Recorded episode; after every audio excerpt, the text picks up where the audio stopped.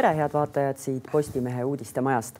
eile lahvatas skandaal, kui tuli ilmsiks, et peaminister Kaja Kallase abikaasale Arvo Hallikule osaliselt kuuluv transpordiettevõte Stark Logistics on Ukraina sõja ajal jätkanud koostööd Venemaaga.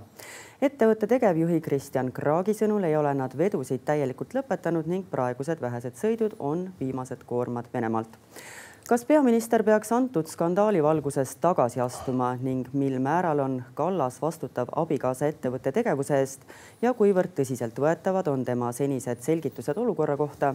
seda arutan enda tänase saatekülalisega, kelleks on Kaja Kallase teise valitsuse välisminister ja Isamaa esimees Urmas Reinsalu. tervist. tervist. no milline on julgeolekukriisi valguses moraalne kahju, mida eile lahvatanud skandaal endaga Eestile kaasa toob? See on olemuslik Äh, ja kui me asetame selle asja perspektiivi, siis vaadates peaministri vastuseid, mida ta eile andis seal ERR-i äh, Madis Hindre intervjuule, äh, siis ma pean tunnistama, et meie peaminister moraalselt ei kvalifitseeru.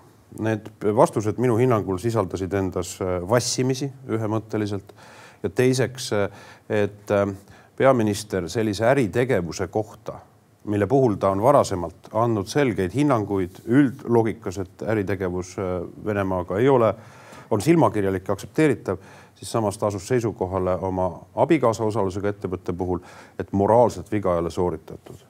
ja nii, et see on kahekordne põhimõttelise iseloomuga läbikukkumine ja mul on väga raske ette kujutada tulevikus, kuidas nii-öelda veenvalt praeguses julgeolekukriisis Venemaa sõjategevuse jätkudes peaministril on moraalset kvalifikatsiooni noh, selles kontekstis jätkata, sest eile kahetsusväärselt ta põhimõtteliselt jooksis lati alt läbi no tõepoolest, alustame sellest Kallase reaktsioonist, et äh, Kallase enda vastustest nähtus, et ta pigistab justkui probleemi ees silma kinni, ei tea, pole olnud ja pole justkui aegagi probleemiga tegeleda, sellepärast et tema juhib riiki. Äh, see oli tema mitte nagu esimene reaktsioon, tal oli aega seda teemat seedida, sellepärast et äh, tegelikult see päring antud probleemi kohta oli ERR-i poolt talle juba saadetud mõnda aega tagasi. et kuidas seda üldse tõsiselt võtta, mida ta rääkis? See oli ju pehmelt öeldes tõepoolest hämamine. No me peame seda arvestama, et äh, jutt ei käi ainuüksi ju peaministri abikaasa äritegevusest ja selle moraalsest kvalifikatsioonist, kui tegemist on peaministri noh, pereliikmega, ka kes on ka huvitatud isik nii-öelda kasvõi formaalselt korruptsioonivastase seaduse loogikas vaid jutt käib tegelikult ka sellest, et peaminister on isiklikult majanduslikult huvitatud isik. ta on andnud väga suure kolmesaja viiekümne tuhande eurose laenu sellele ettevõttele, mis on osanik Venemaaga selle genotsiidisõja ajal äh, peetavas äh, äritegevuses.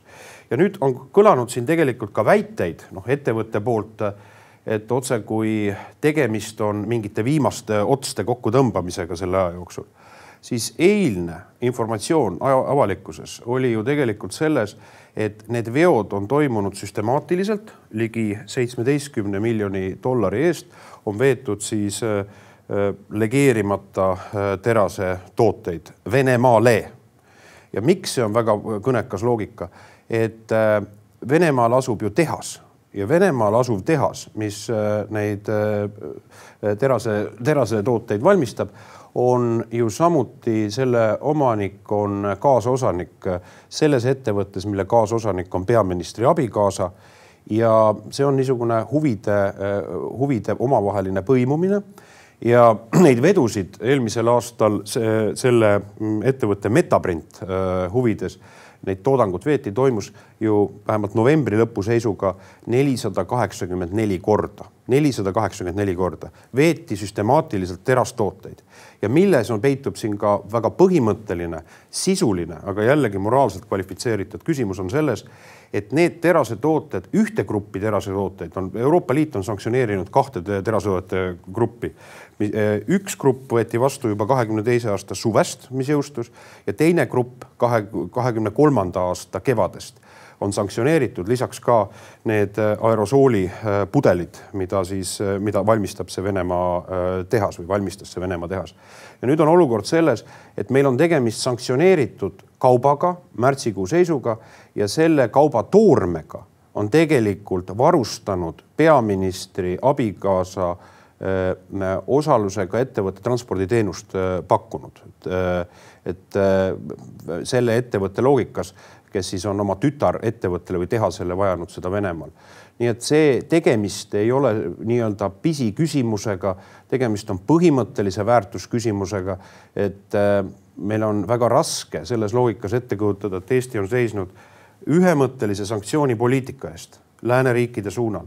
me oleme seda seletanud ka oma ettevõtetele aga puudub ju igasugune moraalne eeskuju või kapital, kui selles äritegevuses selle sõja ajal ja see jätkub ju tegelikult ka see transporditeenus, nagu ei ole eitatud, jätkub ka praegu eh, et ei ole peetud võimalikuks seda katkestada või ei võeta suisa isegi moraalset hinnangut sellele, vaid öeldakse, et moraalses vaates on kõik korras olukorras, kus peaminister ise on ju loomulikult ka majanduslikult huvitatud isik läbi selle laenu kuivõrd tänases olukorras üldse pädeb see jutt, et tegevuse lõpetamine võtabki aega? No kui me räägime, et sellest, et äh, suuremahuline sõda algas äh, kahekümne neljandal veebruaril ja sellest ajast on sellele tehasele veetud massiivses koguses tooret. ja kui me nüüd küsime, et kas me nimetame tegevuse lõpetamiseks seda, et Vene äh, režiimi äh, territooriumil on kaupadega mis tegelikult peaksid olema, no mille lõpptoodang on sanktsioneeritud, on varustatud Vene ühiskonda, siis mina ei saa aru, mis, mida tähendab tegevuse lõpetamine. ma väidan, et see on vassimine, ühemõtteline vassimine, kui mitte, mitte avalikkusele tahtliku valeinformatsiooni andmine no eelmise aasta lõpul tegi Kallas, võib öelda, et jõupositsioonilt Eesti ettevõtetele ettekirjutuse, et valitsus on andnud selged suunised, et mitte mingisugust äritegevust ei tohi ühelgi Eesti riigiettevõttel Venemaaga olla. kas äh, selles valguses võib öelda, et ta andis enda abikaasa ettevõttele justkui eelise, ärilise eelise? Moraalses mõttes enesestmõistetavalt. meie küsimus ei ole, konkreetne tsitaat puudutas nii-öelda vist seda äh, riigi noh, ütleme siis riigi raudtee või raudteeettevõtet, aga aga paar kuud tagasi Financial Timesile peaminister ütles ühemõtteliselt, et on, viidates meie piirkonna, viidates Eesti ettevõtjatele, et see on silmakirjalik, et need ettevõtted ajavad Venemaaga äri ja see tähendab Putini režiimi poolel olemist. kõik, see kvalifikatsioon on peaministri, meie riigijuhi suust ühemõtteline. ajad äri Venemaaga, oled Putini režiimi poolel ja nüüd see äritegevus, mis on avalikkusele nende tundide all rullunud, äh, informatsioon selle kohta, see äritegevus on aset leidnud peaministri äh, mm, siis äh, osanikuks oleva ettevõtte poolt või peaministri abikaasa osalusel oleva ettevõtte poolt, milles nii-öelda huvita, majanduslikult sõltuv või huvitatud isik on kreeditor ehk peaminister isiklikult. et see, see näeb välja groteskne see näeb välja, ma arvan, ka kaugemas vaates juba Bloomberg eile tõi selle kohta eraldi uudise, ülemaailmne nii-öelda majandus- ja äriväljaanne tõi selle kohta juba uudise välja. see kahjustab kindlasti Eesti ühemõttelisust selle poliitika eest seismisel ja minu meelest on äh, selline noh, moraalsed käärid, mis on nende erinevate üldistava seisukoha ja peaministri eilse seisukoha pool, mis ta ütles, ta ei näe selles mingit moraalset probleemi. Need on olemusliku iseloomuga mis tähendabki seda, et peaminister, kes praegu moraalset seisukohta justkui ei taha võtta, üritab seda probleemi kuidagi kalevi alla lükata, siis tegelikult on ta moraalse hinnangu enda tegevusele, enda abikaasa firma tegevusele juba varasemalt andnud ja enesestmõistetavalt. peaminister on võtnud moraalseid seisukohti, millega ma kahe käega ühinen, mis puudutas üldistava jõuga hinnanguid äh, nii-öelda äritegevusele Putini Venemaa suunal, eriti sektorites, eriti sektorites. ma juhin tähelepanu, mis on Euroopa riikide kokkuleppel sanktsioneeritud selleks, et Venemaa tööstuslikku potentsiaali nõrgestada. ja nüüd peaminister enesestmõistetavalt andis ka moraalse hinnangu iseendale või iseenda väärtusele ja selliselt, et öeldes, et tema sellises äritegevuses moraalset probleemi ei näe. järelikult ja ma arvan, et see on põhimõtteline küsimus, taandub peaministri moraal kahekorruseliseks. on kõrgem korrus, kus on tema majanduslik seotus oma abikaasa ettevõttega ja tema abikaasa ärihuvid ja teiseks korruseks, mis on siis üldine käsitlus ja nendel korrustel eksisteerib totaalne autonoomia kuidas te kommenteeriksite äh, peaministri äh, enda praegust äh, suhtlust meediaga, milline see on olnud, milline see selgituste andmine on olnud ja mida ta peaks enam tegema? ma, selge on see, et ma, kui eile peaminister lõpuks soostus ja ma saan aru, et ajakirjandus tundis selle vastu huvi loetud mitmeid päevi. et kui neid kommentaare andis, siis need kommentaarid mitte ei olnud ebapiisavad äh, nüansside osas ja kindlasti on vaja siin selgust, mis kaupa veeti, mis ulatuses, äh, kas see oli tegemist, oli nii-öelda toormega sanktsioneeritud kaubale või mitte selle äritegevuse loogikas, milline oli see peaministri laenuleping, sellest tulenevad seosed, see asetab nii-öelda detailide elementi ja sellest me ühtegi informatsiooni saanud ei ole. Nüüd teine küsimus, mis puudutas peaministri eilseid hinnanguid, ma väidan, et need olid ühemõtteliselt vassivad, öeldes, et, et mingeid vedusid Venemaal ei toimu eh, ja Venemaa klientidega ei ole enam mingit tegemist. Et nagu me oleme aru saanud nende teiste äriühingute esindajatest, see ju reaalsus aset leiab praeguses olukorras. Nii et äh, peaminister äh, näitas, et tal ei ole noh, moraalne kompass, olemuslikult on tal läinud katki selle koha pealt, mis puudutab tema enda äh, huvide perimeetrit ja kui see oleks mingisuguses olmelisemas küsimuses, ei oleks see võib, oleks see kahtlemata samuti skandaalne. aga praegu see puudutab ju eksistentsiaalset küsimust, eksistentsiaalset nõuet, mida riikide juhid mida meie riigijuhid peavad seadma teistele riikidele, keda me oleme süüdistanud loiduses ja lodevuses sanktsioonipoliitikas, aga ka oma rahvale, kes on pidanud ju palju pingutama ka selle nii-öelda sõja ajal ja ennast kokku võtma. Ja niisugune kahe korrusega moraali perspektiivis elamine eh, see on see, mida meie oleme ühemõtteliselt kritiseerinud ja nüüd osutub see samamoodi viljeletavaks eh, meie enda riigijuhi poolt kujutame ette, et kui seda oleks sellise käitumisjoonisega oleks praegu mõne teise Euroopa riigi peaminister, meie seisukoht oleks ühemõtteline. et äh, kujutame ette, peaminister on ise kasutanud kujundit, et Eesti on, Eesti on sõjas. Eesti on rinderiik selles mõttes, meie piiri taga on, on sõjaline agressor ja sellises olukorras, kui peaminister ise on loonud selle konteksti ja öelnud, et äritegevus Venemaaga on Putini režiimi poolel olemine, siis küsimus on, et miks moraalses perspektiivis on meie peaminister siis nii-öelda selle režiimi poolel praeguses olukorras ja ei suuda anda moraalset hinnangut. enesestmõistetavalt ta peab ka avama need detailid, aga mulle tundub, et praegu sel, nende hinnangute põhjal, mida peaminister ise on olnud suuteline eile andma selle pika pressimise peale, on, et ta moraalselt ei ole kvalifitseerunud kuigi Kaja Kallas on seda praegu üritanud suhteliselt meeleheitlikult teha, siis kuivõrd äh, õnnestub tal üldse või kuivõrd ta saab ennast äh, praegusest skandaalist üldse distantseerida? see on tal võimatu, ma ei näe seda kuidagivõrd, kuigi ta eile selles intervjuus viitas noh, korduvalt, et et see pole tema asi, et see on tema äh, abikaasa äh, äriettevõtte asi, et tema ei tegele ettevõtte juhtimisega siis ta on majanduslikult seotud inimene. ta on andnud ise isiklikku laenu sellele valdusettevõttele, kelle noh, nii-öelda osanik on see ettevõte. Ja mis on väga põhimõtteline, et ta peaministrina selles küsimuses ei näe moraalset probleemi, et sellega ta on muutnud selle eh, kriisi, eetilise kriisi en, eh, epitsentrisse ennast asetanud. esiteks minu hinnangul nende eh, tegelikkuse moonutavate väidetega, mida ta on esitanud ja teiseks ka sellega, et ta moraalselt on lati alt läbi jooksnud kuna see äritegevus on tõepoolest kestnud äh, väga pikka aega, kas äh, te näete mõneti siin olukorras ka julgeolekuasutuste tegemata tööd? kas need faktid oleks pidanud tulema ilmsiks juba varem, kas see kontroll oleks pidanud olema tehtud varem? ma arvan, et moraalse komprom-, kompassi purunemist ei ole võimalik julgeolekuasutustel äh, sellisel moel hinnata. pean silmas äritegevust Venemaaga.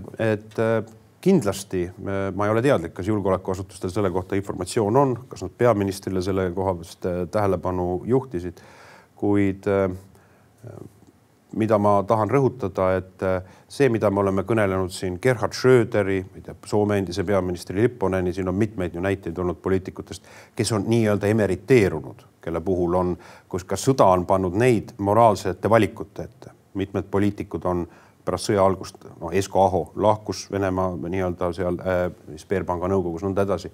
ja, ja, ja need valikud on, on, on tehtud.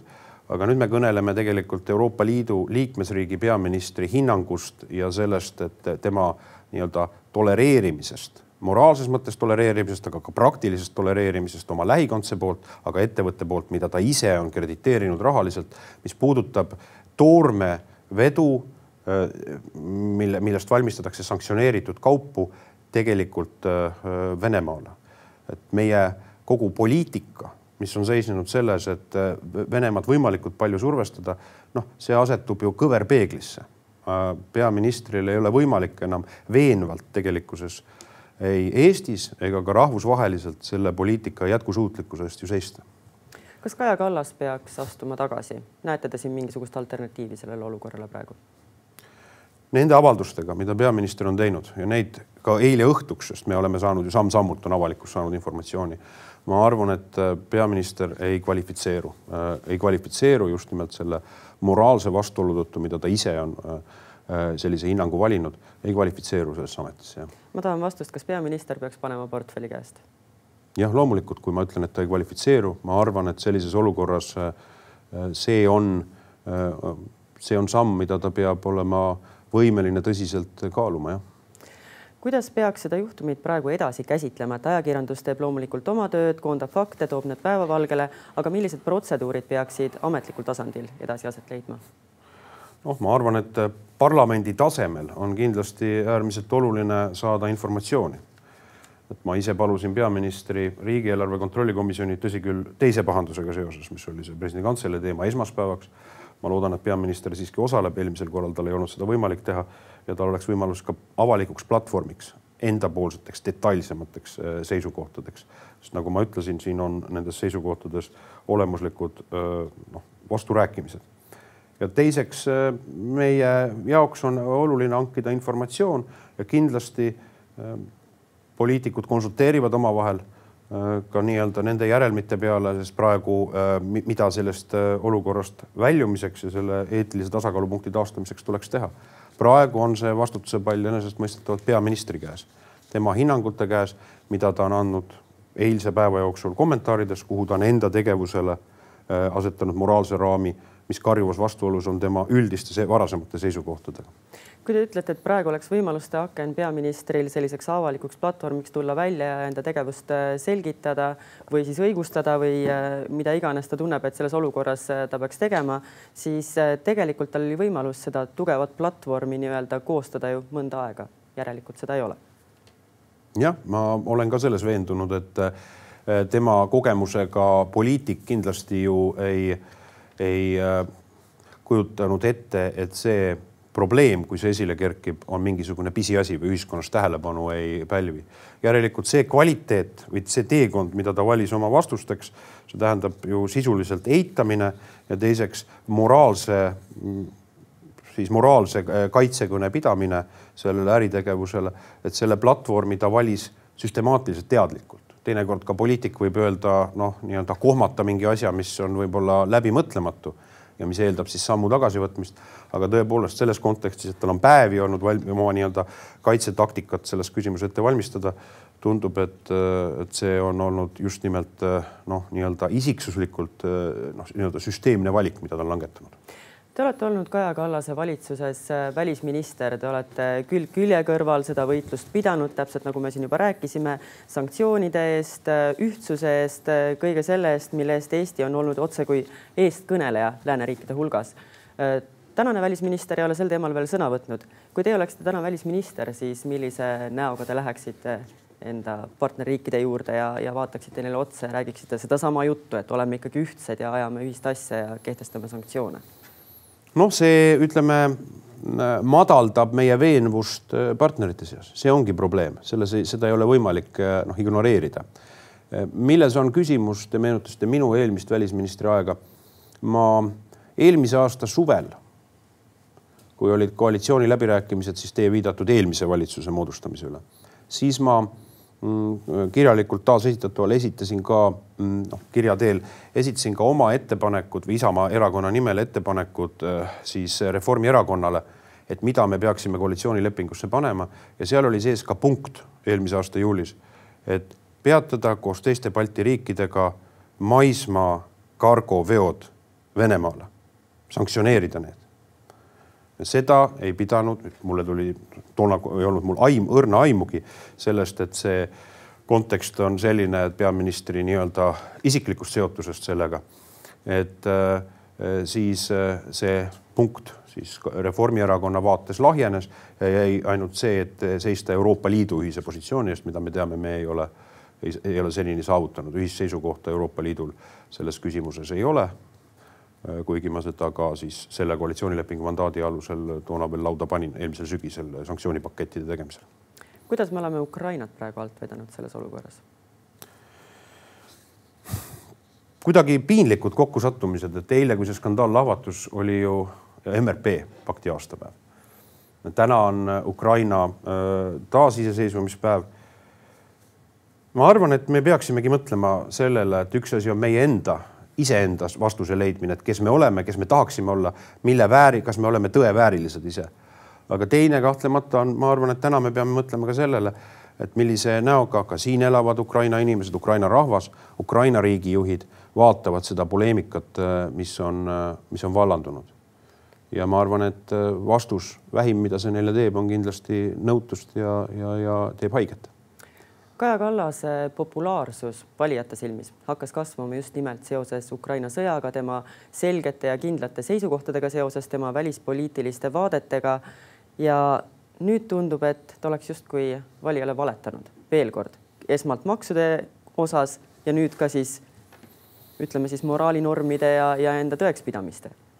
jah, moraalse mõõtkava osas võib seda nii öelda et, äh, et üks asi on noh, poliitiline retoorika, teine asi on selle sisustamine äh, tegevuses ja üks asi on, et võib-olla poliitikud teevad seda nõnda, et nad üle-euroopalise või rahvusvaheliste sõnumite nimel räägivad noh, nii-öelda tekib nii-öelda dissonants, mida räägitakse rahvusvahelises kogukonnas ja mida oma riigis, riigipoliitikas ollakse võimelised tegema. aga praegu on see palju dramaatilisem, sest see küsimus puudutab peaministrit isiklikult seda äh, dissonantsi on, ma arvan, noh, usalduse kaotamise mõttes olemuslikult raskem kujutada ette, et seda oleks võimalik taastada. kui palju on seda arutatud parlamendi opositsioonierakondadega isekeskis siis, kui palju sellest olete rääkinud juba? me oleme telefonikontaktis olnud, et, äh, et see on noh, kõigi jaoks oli oluline, kõik on ju seisukoha võtnud äh, ja see ei ole ainult mitte opositsioonipoliitikud, ka laiemalt on väljendanud, on nördimust ja hukkamõistu sellise tegevuse osas. kuid need nüüd eile õhtul ilmistunud faktoloogia, mis noh, minu hinnangul asetab see palju tõsisemasse ja kriitilisemasse perspektiivi selle kriisi, siis selle osas me nüüd ei ole informatsiooni vahetanud aga fakt on see, et kui Kallas ise tagasi ei astu, siis umbusaldamiseni see olukord jõuab kindlasti. peaministri eilsed, eileõhtune õõlustavad kommentaarid, mis äh, mis minu hinnangul tegelikkust moonutasid ja mis moraalselt äh, võtsid seda käitumisjoonist või äritegevust kaitsva hinnangu. ma arvan, et äh, ma arvan, et on raske ette kujutada, et see ei leia äh, hinna, noh, nii-öelda ühemõttelist hukkamõistvat hinnangut parlamendis. aga ma veel kord ütlen, et praegu on pall peaministri enda vastutuse ja, ja tema arusaamade järgi selle ametikoha rollist käes. millist reaktsiooni teie oleksite oodanud Kaja Kallaselt eile neid vastuseid andes, mida ta oleks pidanud ütlemata, mis ütlema, mis jäi ütlemata? no ta oleks pidanud äh, andma selge sisulise hinnangu, mis on tegelikult juhtunud, millised faktilised asjaolud äh, on aset leidnud. selle asemel ta kõneles, et ta ei ole sellest äritegevusest kuidagi teadlik, sellest ka nii-öelda valdusfirma seoses, kuhu ta ise on, on, on andnud raha ja samas äh, oli ta väga äh, detailselt informeeritud äh, nüansside kohta, mis puudutab siis ühe, ühe konkreetse kliendi suhte küsimust, seda, et kust kütust tangitakse, et need noh, tegelikult ju väga detailsed nüansid näitasid, et peaminister on väga teadlik sellest, mismoodi need asjad on seotud ja kuidas nad kulgevad. ja teiseks kahtlemata Äh, sellist moraalset äh, lati alt läbi jooksmist ma poleks peaministrit äh, küll e-, e-, ette kujutanud, et ta, et ta seda väljendab. millised saavad olema teie järgmised sammud praegu sisepoliitilisel tasandil antud skandaali valguses? me, ma kindlasti pean vajalikuks, et, et on rida küsimusi, nõuda seda, et peaminister reale täiendavatele küsimustele vastaks. Ja siis kindlasti poliitilised jõud konsulteerivad omavahel, ma loodan, et tekib parlamendi tasemel formaat, mida peaminister on valmis andma selgitusi. ja, ja sellest johtuvalt siis peaministri käes on pall enda vastutuse puhul hinnangu andmiseks. ja siis kui ta, kui ta leiab, et ta kvalifitseerub ametis jätkama noh, siis on see küsimus opositsioonijõududele parlamendiliikmetele ka laiemalt äh, asju arutada. Urmas Reinsalu, ma tänan teid nende kommentaaride eest. ja ma tänan ka teid, head vaatajad. thank you